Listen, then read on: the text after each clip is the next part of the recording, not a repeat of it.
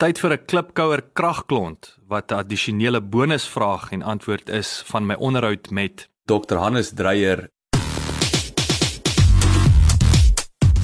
Klipkouers waar ons elke week met Afrikaner entrepreneurs en impakmakers gesels ten einde die beste praktiese besigheids- en lewensadvies met jou te deel.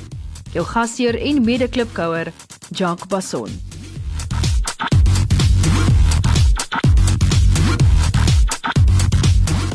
Watter ander besighede het 'n groot invloed op julle sukses? Ek dink nie daar's 'n regte besigheid wat 'n groot invloed het, maar uh, daar is sekere persone, jy het nou nou Robert Kiyosaki genoem. Uh, Robert Kiyosaki, ek dink daar's 'n ongelooflike hoeveelheid ouens wat by my uitgekom het as gevolg van Robert Kiyosaki.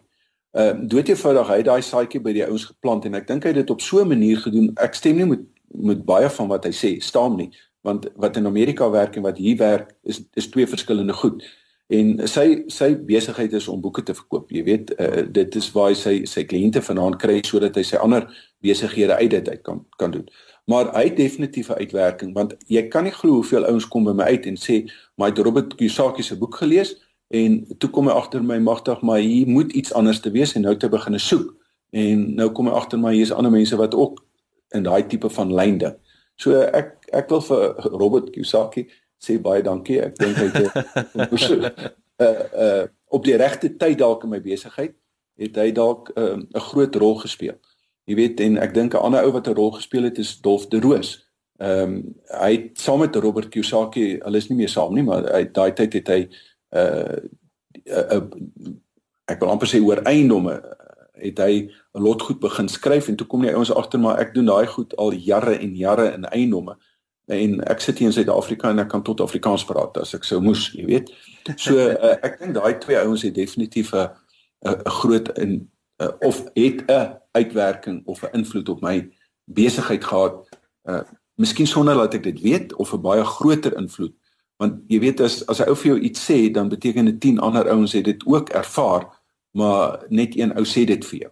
Hmm. En dan my kompetisie het net so ek is mal oor oor die ouens wat sê hulle doen dieselfde goed as ek. Uh jy weet uh inteendeel ek beveel die ouens aan gaan doen daai ouens se kursusse en as jy klaar is dan kom doen jy my kursus en dan kom jy agter hoekom jy sê my kursus in die begin gedoen het. Uh want die ouens praat. Uh, jy weet hulle is in 'n in 'n groep verband dan sê die ou maar het jy daai ou se kursus gedoen of kom hoe hoe kon jy nog nie dit gedoen nie. Jy weet so ja, ek, jou kompetisie is altyd uh baie mense sê jou kompetisie is is is is teen jou, maar dit is nie die waarheid nie. Hulle is eintlik hulle is eintlik vir jou.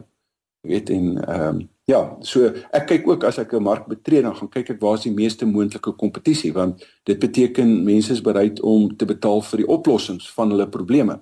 As jy in 'n mark segment ingaan en daar is nie kompetisie nie, dan weet jy mense wil nie betaal daarvoor anders sou daar kompetisie gewees het. So daar's net drie groot marksegmente waarna ek uh, regtig kyk. Daar's 'n vierde ene wat wat lekker is maar uh, en dit is uh, of iets te doen met geld met ander woorde wealth of iets te doen met relationship of iets te doen met health en in al drie het ek het ek besighede en dan een lekker ene wat jy ook na kan kyk is jou stokperdjies want daar ouens is bereid om baie geld te betaal ehm uh, vir 'n stokperdjie uh jy weet om om een nou beter op golf te speel is ou bereid om honderde duisende rande te gaan betaal om daai een nou te verbeter. Hy kom nie agter hy moet net meer oefen dan kan hy op.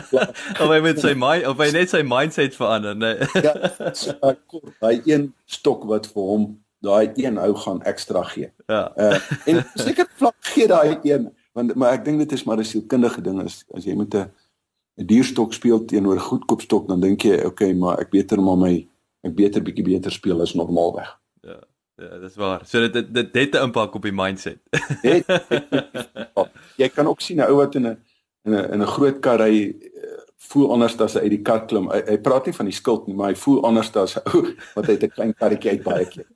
So uh, dit het eh, 'n uh, ou met 'n suit. Ek ek lag baie want ek doen nie aanbiedings met suits en sulke sulke goed nie. Maar daai ou as hy daar staan met sy suit, dan voel hy goed en hy dink en die ander ouens voel goed omdat hy goed voel. Maar daai soet is is deel van die pause, jy weet. Ja, ja, ek weet jou. Baie interessant. Dankie dat jy geluister het.